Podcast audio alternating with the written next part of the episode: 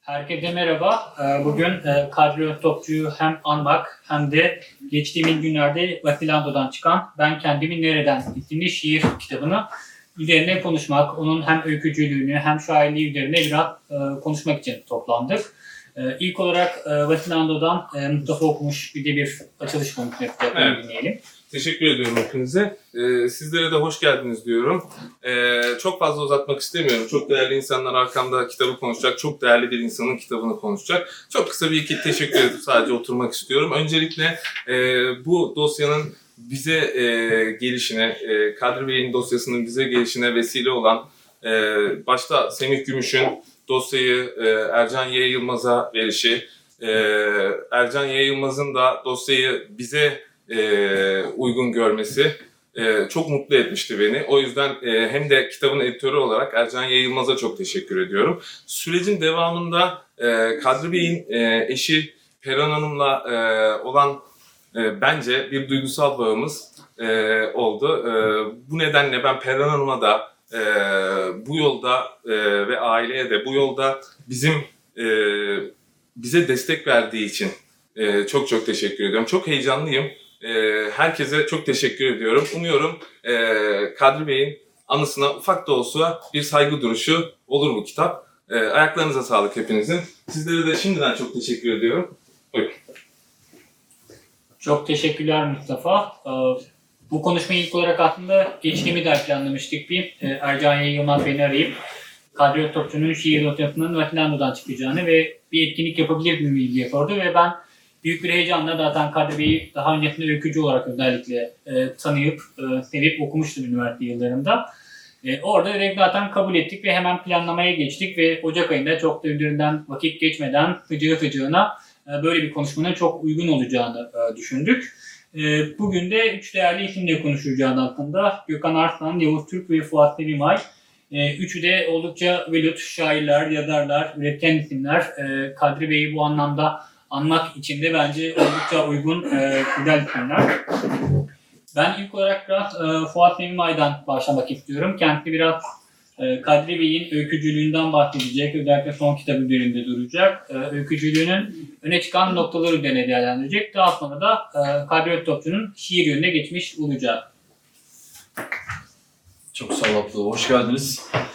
Ee, Gökhan'la Yavuz, e, Fuat sen şiirden pek anlamazsın, öykülerden bahsettiler. E, memnunum. E, seçimde bir sıkıntı yok. E, şiirler tabii ki çok değerli ama benim bildiğim taraf e, hem Kadri Bey'in öyküleri hem genel olarak öykü, öykücülük e, ya da roman. E, kitabın adından bahsetmek istiyorum. Ben daha ziyade son hani şu e, kimsenin bilmediği insanlar üzerinden konuşmak istiyorum Kadri Bey'in e, öykücülüğünü. E, Kadri Bey'in öykülerinde biraz hüzün var, e, biraz ölüm, matem vesaire kol geziniyor ama bence çok tatlı e, o hüznün olmamışlıkların arkasında e, tatlı bir ironi de e, öyle satırların arasında hep bir baş veriyor. E, kitabın başlığında da ben aynı şeyi görüyorum. E, kimsenin bilmediği insanlar bence hep hepimizin bildiği insanlar. Hatta bizden bahsediyor. E, hepimizin bildiği ama biraz böyle kafamızı çevirdiğimiz, e, görmezden gelmeyi tercih ettiğimiz, e, çok içimizde olan, bazen bizzat yaşadığımız e, ama hemen oradan sıvışmak istediğimiz insanları anlatıyor. Genelin aksine, genelde hep böyle bir kahraman, bir şey sergilemiş insanlar vesaire bekleriz ya. E, ilginç de bir tesadüften bahsetmek istiyorum. Kitabı e, zor buldum. O yüzden 10-15 gün önce ancak işte okuyorum. Ee, daha önce başka bir öykü kitabını okumuştum e, Kadri Bey'in. E, bunun üzerinden hani son metnidir diye konuşmak istedim. E, okurken bir gün böyle öğlen telefon çaldı. E, halamın kızı arıyor. Adı Müjgan. E, Müjgan diye çok tatlı bir öyküsü var. Ya Müjgan dedim hani bir, bir öykü e, okuyorum. Seninle de paylaşmak istiyorum. Ee, hemen işte 15-20 dakika sonra da o bana döndü. Ya dedi çok güzel bir öyküymüş. Ben gibi dedi. Biraz böyle hüzünlü vesaire bir müjgan. Yok dedim sen şahin şakraksın ama ee, telefonu kapattım. Okumaya devam ettim. Üsküdarlı öyküsü. Ee, kitabı bilenler, ee, okurlar, aile efradı hatırlayacaktır. Ee, Üsküdarlıyım. Yani Üsküdarlıyım demek ne kadar doğru bilmiyorum ama Üsküdar'da yaşıyorum. En azından hani ruhunu, özünü bildiğim ee, öykü o. Ee, ve öykünün içinde Ece Ayhan geçiyor. Allah dedim tamam ya biraz, biraz ben. Hani tabii ki bambaşka bir şey anlatıyor e, Kadri Bey. Çok değerli, çok keyifli bir öykü. O yüzden gerçekten e, çok bizlerin olduğu öyküler. Ben yine de başa dönmek istiyorum. E, kitabı e, okuyanlar hatırlayacaklardır. E, ben şeyi de çok seviyorum Kadri Bey'in öykülerinde bir üç blok var e, kitapta. E, başta daha bizim hani alışık olduğumuz, hacim olarak da, anlatı olay örgüsü olarak da e, alışık olduğumuz öyküler. Sonra arkasından bir kısa bir ara başlığıyla e, nasıl demeli? Küçürek öykü diyebiliriz. Ben onları biraz böyle deneme tadı da aldım. E, pıt pıt pıt pıt pıt çok tatlı akan e, başka öyküler. Sonra tekrar bir hacim. E, ben son kitabımda, son öykü kitabımda benzer bir derdim vardı. Çok ortak buldum e, o nedenle bu öykü akışını. E, yine de başa döneyim. E, ilk öykü bir naftalin, hikaye, e, naftalin hikayesi. Şöyle giriyor. Kim bilir kaç günlük çamaşırlar yeniden ıslanıyor balkonda. Unutulmuşlar. Valide ağlıyor. Kız kardeşim, e, kız kardeşlerimle yeğenlerim şaşkın ve suskun. E, bir kere şey çok tatlıdır. E, her öyküde bunu bulamıyoruz. E, hatta nadir öyküde bunu buluyoruz. Hemen girdik olaya. Bir. İkincisi, ee, ya işte hani çok böyle kafamız karmaşıktı, hüzünlüydük ee, işte vesaire falan filandan ziyade balkonda ya, e, çamaşırlar unutulmuştu. Tamam başka hiçbir şey söylememe gerek yok. Eylemle direkt o duyguyu vermek. Ee, Zeki'nin ev atlaya atlaya gidiyorum. Ee, bir cenaze evi. Ee, fakat olayın ve aslında öykünün sahibinin e, farklı olduğunu da birazdan anlayacağız Zeki. Zeki'nin evlenen yükselense kimi kimsesi olmadığından sadece sessizlik elbet. Belki naftalin kokusu. Belli belirsiz. E, naftalin üzerinden öykü kurmak. Şimdi bir eleştiri olarak değil ama hepimiz hani burada öyküye gönül vermiş insanlarız. E, şiire gönül vermiş insanlarız. Şairler ayrı, onlar ayrı bir yerde ama hepimizi çok seviyoruz tür olarak. E, yazıyoruz, okuyoruz vesaire. Fakat çok tek, e, tek tip öykülerde okuyoruz bir yandan. E, dertleri aynı olan, mevzuları aynı olan. Şimdi derdin aynı olabilir. E, yeni bir dert yaratma imkanımız yok. E, eyvallah. Hani insana dair dertler, e, topluma dair dertler ortak. Tabii ki oralardan anlatacağız. Fakat onu nereden anlattığınız? Naftalin üzerinden anlatıyor. Naftalin ne, ne olabilir? Zaten başından itibaren tamam yağmurla çamaşırlar ıslanmıştı.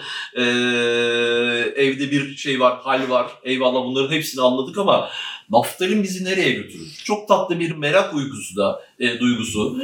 Kenarından böyle dipten e, dibe akan bir e, ironi de öyküde bizi akıtıyor. İki tane peş peşe cümle okumak istiyorum. Ee, yanlış adrese gönderilmiş bir mektup gibi oturuyor sandalyesinde. Eğreti tedirgin. Bir başkası hemen altında zaten. Şimdi buna hani ortamda biraz muhabbet olsun diye ulan Zeki desem hatırlar mısın? Bön bön bakacak ilkin sonra neyi diyecek usulen sorduğunu açığa vuran bir sesle isteksiz miyavlar gibi. Duyarsa o da kulaklarını kurtarıp iç sesinden her şeyi. Böyle yanıtlayabilirim sorarsa. Ee, hem ilk okuduğum betim, tekrar okuyayım. Yanlış adrese gönderilmiş bir mektup gibi oturuyor sandalyesinde. Eğreti tedirgin. Bizim öyle hallerimiz yok mu? İşte öykü böyle yazılır. Yani öykü ee, sıfatlar sıfatlar vesaire falan filan değil. Yanlış adrese gönderilmiş e, mektup gibi dersiniz ve hepimizin öyle bir anı vardır. Sadece bu işte e, cenaze evindeki e, arkadaşların değil. E, hepimizin öyle bir hali vardır. Alır içine götürür. Diğeri şimdi buna hani ortamda biraz muhabbet olsun diye bir kere derdi çok tatlı geliyor. Ortamda biraz muhabbet olsun diye. Vardır ya öyle anlar. Bazı şeyleri sırf sırf yeter ya bu kadar suskunluk yeter diye söyleriz. Ulan Zeki desem hatırlar mısın? hatırlar mısın dediği anda biz de ben ben neyi hatırlarım? Ben bu bu ortamlarda neyi hatırlarım demeye başlıyoruz. Bön bön bakacak ilkin evet öyle olur. Ee, çoğu zaman kendimizi Zeki'nin yerine koymaz ama önce tabii ki neyi hatırlayacağım baba falan. Yani zaten kafa karmaşık. Neyi diyecek? Usulen sorduğunu açığa vuran bir sesle isteksiz miyavlar gibi. Duyarsa o da kulaklarını tutarıp iç sesinden her şeyi. Her şeyi hatırlar mıyız? Kadri Bey'e dair, kendi hayatlarımıza dair, öykülere dair. Hatırlamayız. Ee, bütünü onlar oluşturur. Ama an gelir bazı anlarda öyle bir miyavlama, bir yanlış adrese gönderilmiş mektup gibi tedirgin halimiz vesaire ya da balkonda otur, e, unutulan yağmurun üçüncü kez yağmasına rağmen e, orada ıslanmaya devam eden çamaşırlar bir anda her şeyi hatırlamamıza sebep olur. Biraz daha atlıyorum. Bön bön bakıyor yüzüme. Kadehine, bu, bu arada yeni fark ettim. Ben kendi kendime konuşuyormuşum galiba. Şu an duyuluyor galiba değil mi? Ee, öndekiler arkadakileri anlatsın e, başını. Bön bön bakıyor yüzüme. Kadehine davranıyor. Fondip yapıyor. Yok diyor öyle değil. Üç yıldır benimle ilgili Neriman. Evde. Nereden bileceksiniz? Aa bir Neriman geldi ülkeye. Zeki vardı, bir başka arkadaş vardı, işte oradaki diğer e, ıslanan çamaşırlar vardı vesaire. Bir Neriman geldi. Biraz daha atlayayım. E, E'si aklımı sikeyim. Doğru eczaneye ben gittim. Bir paket naftalin aldım hemen. Güveye iyi gelir ya. Aa naftalin gene geldi. Naftalin güveye iyi gelen hani naftalin deyince birbirimize sorsak gün, gün içinde hani naftalin vardır ya sözlük açıklamaları. Yani naftalin işte bulaşıklara kullanırız işte güveye falan filan. Ee, aynen öyle geliyor. Evet eczaneye gittim güveye iyi gelen falan ama sonra başka bir şey olmuş. Neriman vesaire. Sonra bir hapis. Bir öykü 4 sayfada, 5 sayfada, 6 sayfada sayfası çok da önemli değil. 2 sayfada olur, 20 sayfada olur. Ne kadar gerektiriyorsa ama gerektirdiği kadarıyla nasıl havalanır? Nasıl böyle bambaşka dünyalara gider? Biz e, o ev hali diye okurken ve evet o ev halinin gerçekten zaten böyle bir e, derdi olduğunu hissederken bir yandan da e, sarmal anlatıyla geçmişe, başka bir noktaya, başka bir zamana, tüm bunları hazırlayan anlara nasıl gideriz? E, arada böyle çok da gereksiz teferruata hiç girilmeden e, muhteşem bir öyküyle başlıyor. Devamı bir daha çal S. Bu öyküden uzun bahsetmeyeceğim. Çok güzel bir öykü ama adı zaten hemen şey değil mi? Hani bir daha çal Sam. Ee, e, Casablanca. E, neydi filmin adı? Casablanca değil mi? Casablanca değil mi? E, nedense aklıma şey gibi kalmış. Yani mekan Casablanca ama şey adı başka bir şeydi falan gibi. E, hemen bizi bir yere atıyor. Evet gene piyanolar vesaire falan filan var. E, diğer öykülerde de müzikle çok e, ciddi bir derdinin olduğunu, e, hem metinlerine sızdığını hem başka e, anlamlarda görüyoruz. E, sonraki öyküde bir, e, piç bir yaz. E, tatlarını kaçırmayın okuyacaklar için öyküleri. E, ama burada da bir yine ölüm var. E, bir cenaze evi. Daha doğrusu bu sefer bir cenaze evi değil. E, yaz olduğuna göre belli şey var. Gene bir e, hazin durum var. Fakat bu sefer cenaze evinde değil. Başka bir evde yaşanıyor hikaye. Bizim eve ölüm geldi dedim. Durulur gibi değil. Hacı Hoca. Sizde kim var? Ee, kendi hani Allah hepimizin e, ömründen uzak etsin ama hayat yaşanıyor değil mi? E, kendi cenazelerinizi, yakınlarınızın, çok yakınlarınızın o kadar değil bir kademe daha uzak e, ama hani orada bulunmamız lazımların. Ya hani gidiyorum ama cenazelerimizi hatırlıyor musunuz? Türlü çeşit cenaze var değil mi? Cenaze deyince aslında tek tip değil mi? Hani cenaze bir e, hani üzgünüz vesaire. Hayır cenazede bin türlü duygumuz var. Ve Kadri Bey'in öykülerindeki de bu ölümler, hepsi ölüm değil, çok tatlı başka eğlenceli öyküler de var ama e, farklı duygular, farklı ruh halleri akıyor. Aa burada da piç bir yaz. Ya yasın piçi mi olur? Yaz adı üstünde hani yaz şeydir değil mi? Hani birisi gelip bunu söylese bize arkadaşım bir üzüntüden, yastan, kederden vesaire bahsediyorsun. Hayır. Bizim de öyle. Bazı yaslar piç bir yaz. Çünkü ee, leş gibi sigara kokuyor ev. İzbenin Allah'ı. Havasız da bir yandan. Girdim. Ardım sıra yürüdü kapıyı kapatıp. Daracık kısacık koridorlu iki adımda açtık. Soldaki ihtiyarın odası. Biliyorum hiç çıkmaz. Hele ben uğradımsa 40 yılda bir. Belki utançtan, umursamadığından. Belki. Karanlığa ve sessizliğe gömer kendini. Görünmez, duyulmaz olur. Sanki yaşamıyor. Bir eee fiziken hayatta olan ama sanki ruhen ölmüş birisi daha var. Anne. Ölen baba. Cenaze haberi gelen. Eee anneye haber verilmeye gidilmiş. E, anne olduğuna göre aynı evde değiller. Bir paylaşım olmuş. Bir paylaşım olduğuna göre evet kesinlikle üzüntü var. Bir yas var ama o yas biraz da piç bir yas. Tıpkı piçlerin çok da sahip çıkılma e, istenmemesi gibi. E, kesinlikle bu bana ait, çok benden, çok içimden, içim yakınıyor. Ama sahip çıkmak istiyor muyum bilmiyorum. Geldin haber verdin çok teşekkür ederim ama ama gerisi bilinmiyor. Kapı çalınca apansız, malum, yolun düşmez pek. Sahi ne iş bu saatte? İş. İş denebilir miydi iki gündür yaşadıklarıma?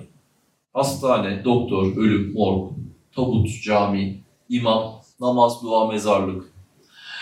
Ee, iş değil mi? Hani o, o başımıza geldiği zaman bir şekilde bunları yaşıyoruz ve onlar da iş. Ama iş denebilir mi? İş deyince başka bir şey mi geliyor aklımıza? Ne işim vardı? Kapı saldığında e, başka bir şey için zannettim vesaire.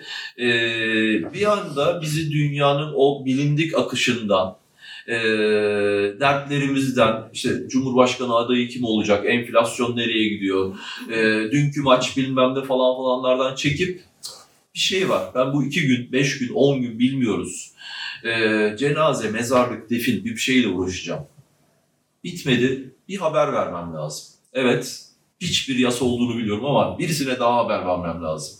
Ve haber verilen insanın e, az önce okuduğu tepkisi. E, malum yolun düşmez pek. Sahip ne iş bu saatte? İş mi? Biraz atlıyorum. Haklıyım dedi. Sonunda işte buyur baba senin ana benim. Payımıza düşenle yaşıyoruz o kadar. Peki ya bu yaz dedim. Bu kimin? Ee, bireysel bir hikaye anlatılıyor. Değil mi?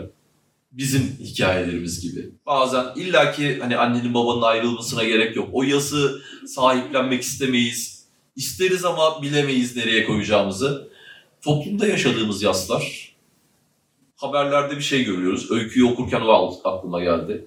Ee, bu benim yasım mı? Evet ortada bir yas var. Sahiplenmek istiyor muyum? Bazısını çok fazla, en derinden hissediyorum. Bazısını hissediyorum ama Allah kahretsin amalar geliyor arkasından vesaire. Hiçbir yas birbirinin aynısı değil. Ve bazı yaslar piç bir yas. Ee, Kadri Bey'e sırf bunu hatırlattığı için belki e, sırf bunun için bile e, çokça teşekkür etmek lazım. Sonra çok tatlı bir müzisyen öyküsü geliyor. E, Aykut olmak. Geldi. Adı Aykut. Aykut müzisyen, gün boyu e, bir gece ya da akşam üstü gün boyu demeyeyim e, malum mekanda performans sergileyecek. Fakat e, öykü boyunca Aykut olmak dışında her şey oluyor. Tutar diye Cem Karaca'dan bahsediyor, başlıyor. Aa diyor şu, şu masada bir Cem Karaca havası hissediyorum. Fakat yok yemiyor. Sonra biraz daha böyle eğlencelidir. Çocukları da acaba alır mıyım diye hafif Barış Manço'ya olmuyor.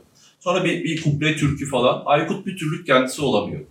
Ee, belki okuyanlar vardır. Ee, geçen bir, bir, buçuk yıl önce e, 2021'de e, yok 2020'de e, Ayfer Tunç'un Osman romanı çıkmıştı. E, Aykut'u ben çok e, Osman'la akraba hissettim.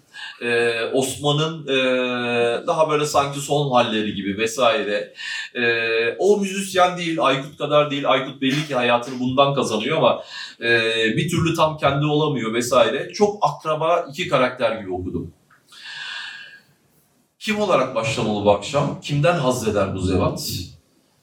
Hiç haset e, mekanlarda düşündünüz mü? Kimden e, haz edersiniz? E, belli bir konsere gittiyseniz eyvallah ama rastgele bir mekanda bir müzisyen geldi ya da bir düğünde vesaire falan. E, şeyi hatırlıyorum. Bir gün liseden böyle birkaç arkadaş falan oturduk, e, toplandık. E, bir müzisyen arkadaşımız var. E, birisi bana şey diyor, böyle güzel cümleler kuruyor. Abi diyor sen diyor ne güzel işte bak edebiyata atıldığın romanları, romanları bilmem ne. Biliyorum hiçbir romanımı okumadı ama sağ olsun güzel cümleler söylüyor. Sonra müzisyen arkadaşa döndü. Baba dedi senin yaptığın dedi. Çünkü o ilk yaşta. Ben, bende şey var bir e, önce bir iş hayatı bilmem ne sonra edebiyata sıçrama. Ya dedi sen ilk günden beri dedi ısrar ettiğin gitarın vesaire grubun falan filan iyi de bir grup. Hani e, şey acil servis belki bilenler vardır. E, onun gitaristlerinden biri arkadaşımız. E, böyle uzun uzun övdü. Diğer arkadaşlar da katıldı. Ben de katıldım. Ya dedik yani sen, seni çok takdir ediyoruz falan.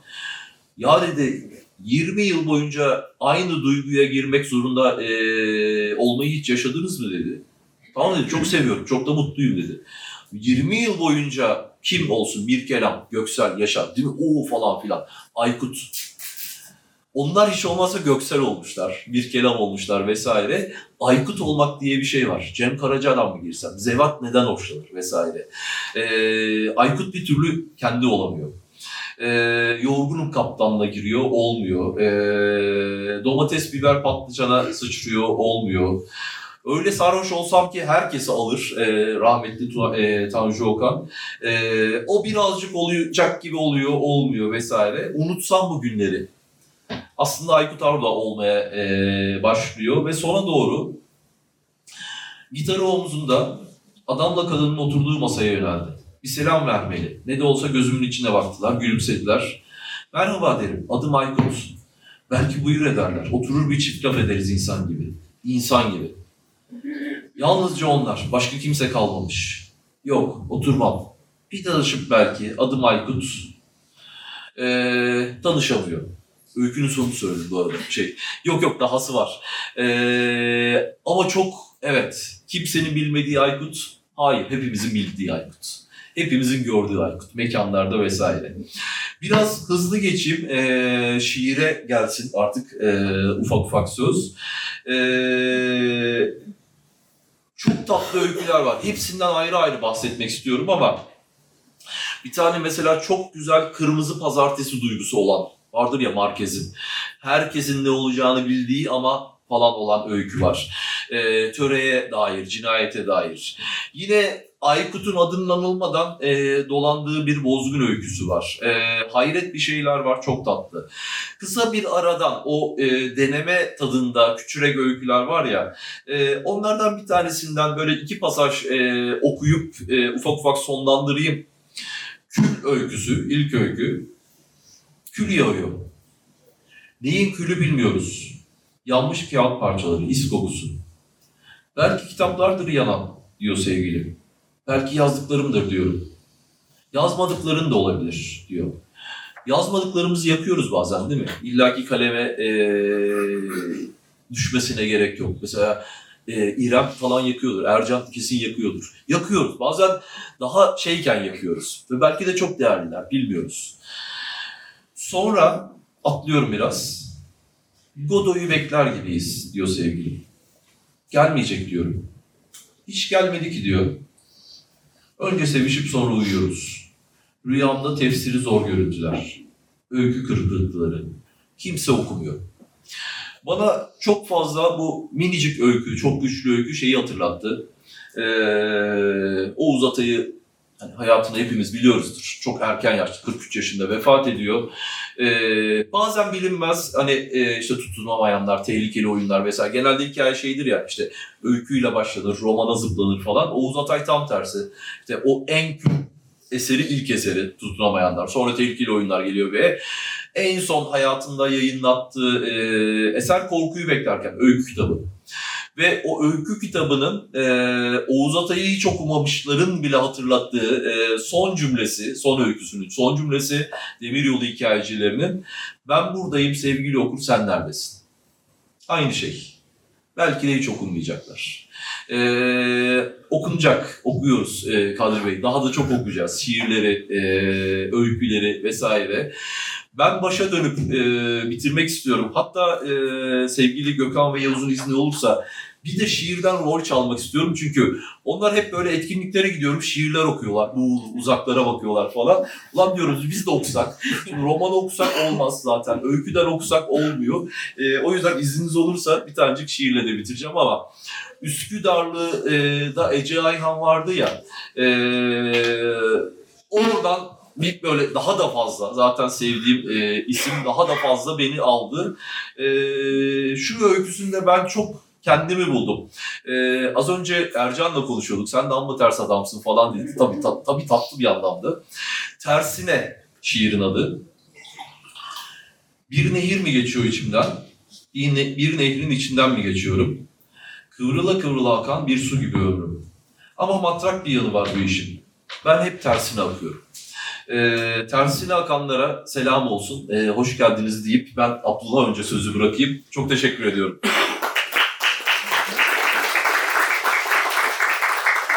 Yani Fuat abinin hem e, Kadriyo Topçu'yla özdeşleşmesine değinmesi, hem onun öykülerini yorumlaması, hem de bunlar üzerinden e, kendi edebiyatına dair de ufak ipuçları vermesi bence oldukça kıymetliydi. Bu anlamda e, oldukça ufuk açıcı şeyler söylediğini dile getirebilirim. E, şimdi biraz kaseti başa sarabiliriz. E, çünkü Kadriyo Topçu aslında her şeyden önce yazmaya şiirle başlayan ve şair olarak anmamız gereken bir isim.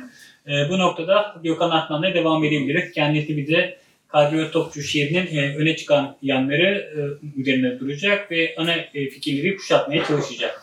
Ya itiraf etmem gerekirse ben bu kitaba kadar Kadriyo Topçu'nun şiirlerini bilmiyordum. Hiçbir yerde de denk gelmemiştim. Ee, genelde benden bir kitapla ilgili yazı istendiğinde ya da bir şiirle ilgili kitap ya da yazı ya da konuşma istendiğinde hani bir eleştiri ve değerlendirmeden daha çok ben metne bir şeyi yakalayıp, bir kavramı yakalayıp genelde onun üstünden gitmeyi seviyorum. O şekilde hareket etmeyi seviyorum. Ee, kitabın ismini karşılaştığında ben kendimi nereden? Aslında bunun devamı var. Ben kendimi nereye? Ee, nereden nereye kısmını düşündüğüm zaman arada bir zaman var, bir mesafe var. Ee, kitap okumaya başlayınca birden şunu fark ettim. Ee, Öztopçu'nun şiirlerinde korkunç bir zaman algısı var. Sürekli zaman üstüne söylenmiş bir şeyler var. Ee, üşenmedim ve bir çete de tuttum kendimce. Şimdi kitapta 43 şiir var, 43 şiir var ama 50, 56 defa gün sözcüğü geçiyor. 20 defa zaman sözcüğü geçiyor. 16 defa gece sözcüğü geçiyor. İşte onun üstünde geçen sözcükler. Akşam, güz, ömür, kış, yaz gibi. Bunların hepsi zamanla ilgili sözcükler. Ama bunun haricinde mesela e, yine zamanı çağrıştıran işte yıl gibi, e, mevsim gibi, bahar gibi, sabah gibi zamana dair yine sözcükler giriyor bir, yer, bir yerde devreye. Bir de yani 56 tane mesela gün sözcüğü geçiyor, zaman sözcüğü 20 kere geçiyor. Bunlar doğal olarak bazı şiirlerde çakışıyor zaten. Yani aynı şiirin içinde hem günü, hem zamanı, hem yılı, hem baharı, zamana dair bir sürü, bir sürü şeyi bir anda görebiliyoruz. Ee, aklımda şey uyandı. Yani şimdi e, Kadri Öztopçu'nun bu şiirleri hangi dönemlerde ne zaman yazdığını bilmiyorum. Yani ölüm duygusu ya da ölümün yaklaştığı hissettiği zamandan sonra mı daha çok zamana eğilmeye başladı? Yoksa en baştan beri böyle miydi? Çünkü şairlerin çoğu evet zamanla çok içli dışlıdırlar. Zamanı kurcalarlar, zamana dair bir şeyler yapmaya çalışırlar. Ne bileyim işte bir yerde mesela saati anlatmak istiyor ama saat sözcüğünü kullanmıyor. Yelkovan'ı kullanıyor. Ya da Serkisov direkt bir saat markası kullanıyor. O da ister istemez bir zamana götürüyor sizi. Ee, kitapta üç yerde bir alıntı gönderme var. Ee, bunlardan biri Mehmet Günsur, içeriye bakan kim göndermesiyle Mehmet Günsur'u öykücüyü anıyor. Mehmet Günsur çok erken aramızdan ayrılmış biri ve bu da bir zamanla ilgili bir şey. Ardından bir Hilmi Yavuz alıntısı geliyor. Hilmi Yavuz kadar herhalde zamanla uğraşan başka bir şair yoktur diye düşünüyorum. Zaman Şiirleri diye kitabı var zaten Hilmi Yavuz'un. Ve son alıntı e, Semih Gümüş alıntısı. Semih Gümüş'ün direkt romanının ismini zaten şiirine Belki bir gün başka bir başka şeyler de konuşuruz. Burada da direkt zaman devreye giriyor. Aşağı yukarı bütün şiirlerinde bu var. Sürekli bir zamanı kurcalama, e, zamanın üstünden bir şeyler ilerletmeye çalışma. Ama e, işte e, ömür çok kullanılmış ama işte yaşam da çok kullanılmış, hayat da çok kullanılmış. Onları da bir yandan işin içine sokuyor. Onun haricinde bir yerde orta çağ kavramı çıkıyor. Ba- bazı yerlerde kişisel arşiv, kişisel tarih gibi kelimeler çık- çıkıyor. Bütün her şey zaman üstünden akıp duruyor. Ee, işte e, kalıplar var bazı. İşte yeni yıl kalıbı, yeni yaş kalıbı, yaşınızdan utanın kitabı e, kalıbı. Bütün bunlara baktığım zaman hep Kadri Öztürkçü'nün bir zaman üstünden bir şeyler kurgulamaya çalıştığını fark ettim. Bunun da dediğim gibi yani bir ölümle, ala, ölümle alakası olduğunu düşünüyorum. Ölüm kısmına bile bile girmedim. Bunu Yavuz muhtemelen ölüm üzerinden, ölüm üzerinden hareket edeceğini söylemişti. E, Benim dikkat etmek istediğim sadece burası. Zaman. Çok da fazla uzatmak istemiyorum. Yavuz'a veriyorum. Daha sonra belki konuşuruz, birleştiririz. Eyvallah, teşekkürler.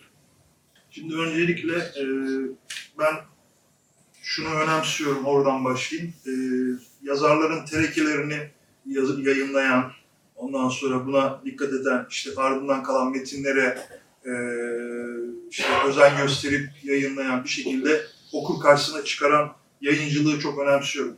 Ben de kadar yayıncılık yapıyorum. E, son zamanlarda yapmıyorum ama o yüzden ön- öncelikle teşekkür ediyorum. Yani Kadri Öztopçu'nun şiirlerini işte iki kapak arasında e, yayınlandığı için en azından e, hayatı boyunca yazdığı şiirleri e, bir arada okuma fırsatı elde ediyoruz. Önemli bir şey bu bence. Çünkü daha önce şiir kitabı çıkmamış bir yazardan bahsediyoruz.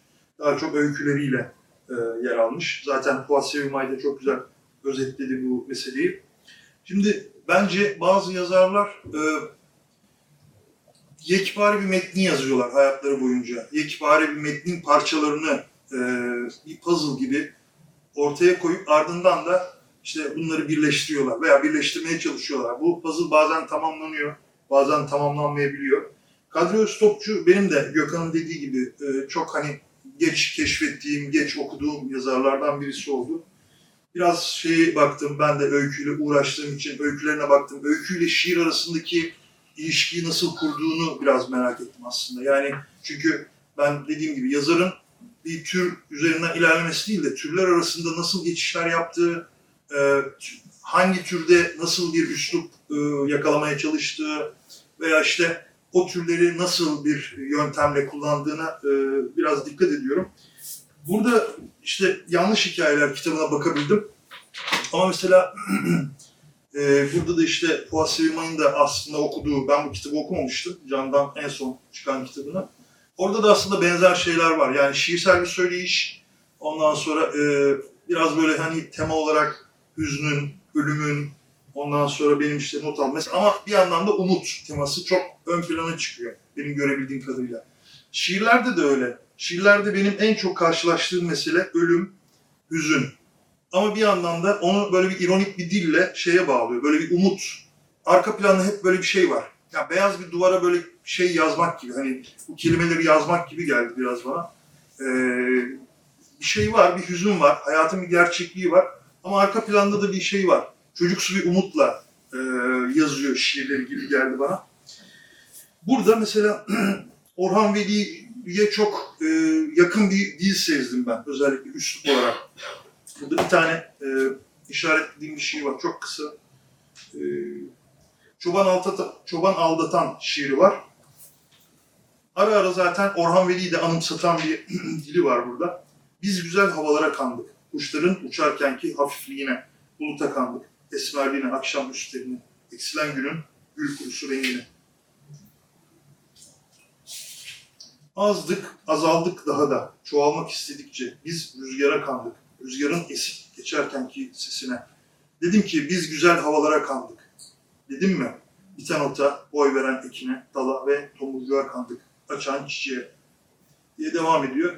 Yani burada mesela çok bariz bir e, Orhan Veli sesi olduğunu düşünüyorum ben. Bunun dışında da şiirlerde genel olarak narratif, anlatımcı, düz yazıya yaklaşan bir şey var.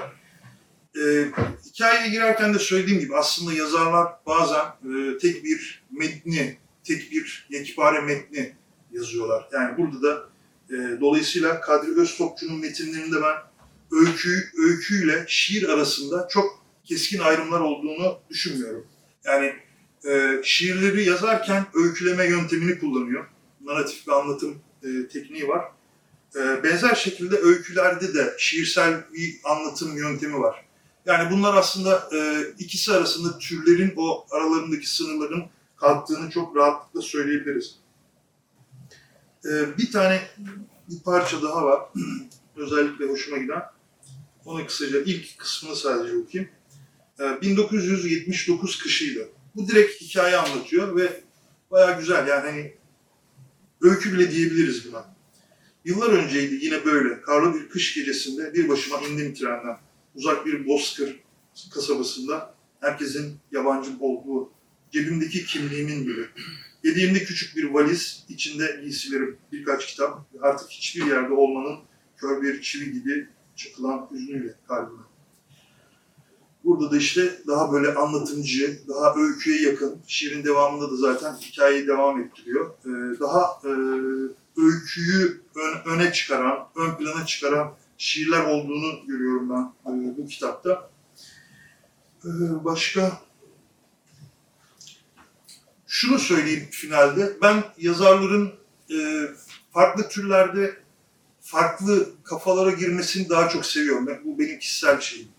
Ama bazı ya- yazarlar bunu tercih etmiyorlar. Yani bazı yazarlar roman yazarken de benzer e, imgeleri, temaları veya e, yöntemleri kullanıyorlar. Şiirde de, öyküde de vesaire. Ben bunların yer yer e, üslup olarak, yöntem olarak bir miktar ayrılması gerektiğini düşünüyorum ama Kadri Öztopçu biraz böyle şiirden yola çıktığı için olabilir. Öyle geliyor biraz bana. Şiirden yola çıktığı için aslında hayatı boyunca öykülerinde de bence tek bir yekpare, büyük bir şiir yazmış diyebiliriz diye düşünüyorum. Böyle e, pası atayım artık Gökhan'a. Ben, ben, Fuat, ben Fuat abiye soru sormak istiyorum. Ee, Öykülerinde de zaman şeyi çok var mı Fuat abi vurgusu? Var. e, ya sen e, söylerken şeyi düşündüm. Yani zamanı bir de mekanı kullanıyor. E, pardon. Ya zamanı tam senin dediğin gibi. Ben senin kadar çalışkan değilim. E, bir de öyküde olmuyor. Öyle tek tek böyle e, saymış değilim ama e, zamanı çok net kullanıyor ama şu benim çok hoşuma gitti. E, bir iki öyküde böyle uzatmayayım diye hani uzun uzun okuyamıyoruz öyküleri ama e, bahsettim ya sarmal anlatıda bir an var. Ee, şöyle mesela bazen şey soruluyor bize işte daha böyle genç işte yazan arkadaş yani genç olmasına gerek yok ya da daha yeni başlamış e, ya işte şu öykü nasıl vesaire. Bakıyorsunuz kronolojik bir şey anlatıyor işte. Her şeyi vermiş. İşte sabah bu oldu akşam bu oldu üç gün sonra bilmem ne oldu vesaire falan falan. Ee, Kadri Öztopçu öykülerinde ise tam da olması gereken gibi ee, mesela şey çok tartışılır. İşte öyküyle romanın farkı nedir? Bana göre öykünün en önemli özelliği ana odaklanmasıdır. An dediğimiz tek bir an olmasına gerek yok. Ee, ama odaklandığı anda 5 yıl önceyi, hatta bazen 50 yıl önceyi, ta işte anneyi anlatıyor. Anne bir şey yaşamış vesaire. Oradan bir şey kalmış. Ee, bir hafta önce bir bir şey yaşanmış ya da yaşanacak. Ee, o sarmal anlatıyı çok tatlı e, yürütüyor kelime olarak, imge olarak değil ama zamanı böyle kullanması çok hoşuma gitti benim. Bir de zamanla mekanı iç içe katıyor. Mesela demin hani en çok ondan bahsettiğim için e, o öyküye dönüyor. İlk öykü. E, bir naftalin hikayesi. Hani bir cenaze evi vardı fakat e, aslında hikaye bir yandan da bir naftalinle iki arkadaşın diğer tarafta kalana bağlanıyordu vesaire ya. E, cenaze evindeyiz ama sürekli o gerilimin yaşandığı bir meyhaneye, sonra bir hapishaneye, sonra başka bir mekana zıplamalar var. E, mekanı ve zamanı kullanarak o geçişleri çok güzel yapıyor. Ben e, çok böyle kişisel bir hikaye anlatayım ucunu buraya bağlayarak.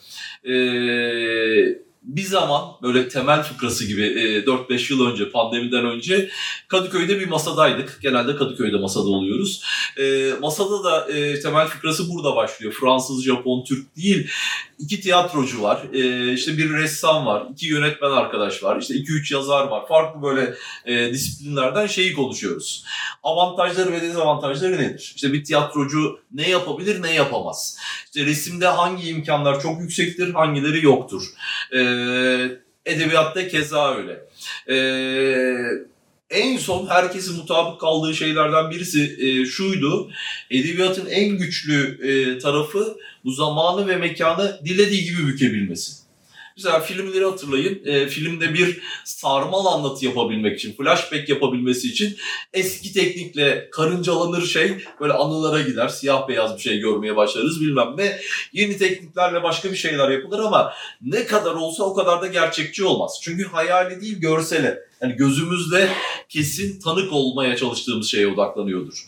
Oysa edebiyat istediği gibi alır. Şu an işte bir yağmurlar, çamaşır mamışır ıslanıyor. Aa naftalin. Geç oradan hapishane. zamanı, mekanı istediği gibi e, büker. Ve Kadri Bey bu anlamda e, ben öykülerini biliyorum. O taraftan daha çok konuşuyorum. E, şiirlerini yani sadece e, bir e, iyi ya da ortalama bir şiir e, okuru olarak okumaya çalışıp yorum yapamam, ahkam kesemem. E, ama öykülerinde çok net hissettiğim e, bu bükme hikayesiydi. E, çok tatlı bizi o zaman ve mekan içinde gezdiriyor. Sadece imge olarak anarak değil, e, bunu şundan dolayı önemsiyorum, uzatmadım umarım. E, edebiyat ne yapar? Bize de dönüp ya benim zamanlarım. Ben şu an sanat kritik e, bir mekandayım. E, Kadri Öztopçu'yu konuşuyoruz ama benim zamanlarım, benim zihnim nereye zıplıyor? Ben hangi mekanlara buradan geliyorum ya da gidiyorum? Aslında edebiyat en çok bunu yapar. Kendi zamanlarımıza, kendi cenazelerimize, kendi hapislerimize, kendi gerilmelerimize, kendi dostluklarımıza vesaire falan filan götürür. İşte onu çok güçlü yapıyor. Sadece imge olarak değil, bizi bizi hatırlatmak e, konusunda e, o zamanı ve mekanı ben çok güçlü kullandığını söyleyebilirim. Ben belki biraz hem e, derleyip toplayarak hem de e, kendi birkaç notumu paylaşarak e, devam edebilirim. Yani ben e, Kadri Bey'le aslında üniversiteye ilk geçtiğim yılda, ilk üniversiteye kaydolduğum yıl e, tanışmıştım. E, bilenler bilir Cevdet Kudret Edebiyat Ödülü Mimar Sinan Güzel Sanatlar Üniversitesi'nin iştirakiyle verilir. E, ben de Mimar Sinan Edebiyat okurken bizim okul kime ödül vermiş, nelere verilmiş diye bir e, kitaplara bakmıştım ve buradan bir kendime okuma listesi çıkartmıştım. Ee, kendisi de Kadri Bey de 2010'da Kuş Oltası ile bu ödülü almıştı. Benim de dolayısıyla ilk okumam 2013 yılında Kuş Oltası ile başladı. Daha sonra onun e, diğer öykülerini okudum. E, okuma planım bu şekilde gelişti. Ancak e, şiirlerini hiçbir zaman e, pek duymadım da, pek görme fırsatım da olmadı. Zaten e, bu ilk dosyanın da bu kadar geç bir tarihe rastlaması e, bu anlamda bence kıymetli. E, şuna da dikkat ettim. E, ilk kitabı aslında Yanlış Hikayeler 2006 yılında yayınlanmıştı. Dolayısıyla Kadri Bey daha çok dergilerde, e, çeşitli mecralarda yayınlamış eserlerini ancak bunları derleyip toplayıp bir kitap olarak yayınlama biraz daha ilerleyen tarihlere denk gelmiş. 54 doğumlu olduğunu düşündüğümde de bence bu önemli bir konu gibi bana geliyor. Ee, öte taraftan bütün bir külliyatını düşündüğümüzde hem öykülerini hem şiirlerini şu benim dikkatimi çeken bir konu oldu. Kadri Bey'in öykülerini e, şiirsel bir üslupla şiire yakınlaştıran bir ton varken öykü, e, şiirlerini e, böyle bir ton varken öykülerinde de tam tersi bir ton var. Dolayısıyla türleri birbirine yakınlaştırmak bu anlamda bence e, Kadri Bey'in genel eğilimini göstermesi bakımından da benim dikkatimi çekti. Bu anlamda Yavuz Türk'ün de söylediği o bütün bir külliyatı düşünmek bence e, daha değerli toplu bir bakış sunmak anlamında da e, dikkatimi çekti benim. E, narratif, anlatıcı metiniyeti de burada önemli. Çünkü Kadri Bey'in bütün şiirlerinde de, öykülerinde de bir anlatıcı var. Konuşan, bizimle bütün bu süreci yaşayan bir kişi var ve biz bunu hep hissederiz. Bunu Kadri Bey olarak da düşünmek mümkün. Bütün bunların dışında sadece metini baz alarak düşündüğümde de bir anlatıcının varlığını net bir şekilde hissetmek bence burada e, önemli bir çıkış noktası. E, Bir diğer noktada e, şiirlerde de yine öykülerde de hissettiğimi belirli bir ana odaklanmak. Nihayetinde şiir de, öykü de belirli bir duygulanım içerisinde bir anda olan biten büyük bir kırılma hikayesini bizimle paylaşır. Kadri Bey'de de biz bunu yakından hissediyoruz. Şiirlerinde de, öykülerinde de belirli anlar ve o anların bizde yarattığı e, yoğun duygulanımlar söz konusu. E, bunlar e, Gökhan Aslı'nın da, Fuat Nebimay'ın da, Yavuz Türk'ün de aslında üzerinde durduğu, göndermeler yaptığı temel konular. Bu anlamda Kadri Topçu e, eserlerini e, bütün bir külliyat olarak düşünmekte önemli bir çıkış noktası. E, belki bu noktada eğer konuşmacılarımızın ekleyeceği bir şey yoksa dinleyicilerden sorular varsa onları alabiliriz.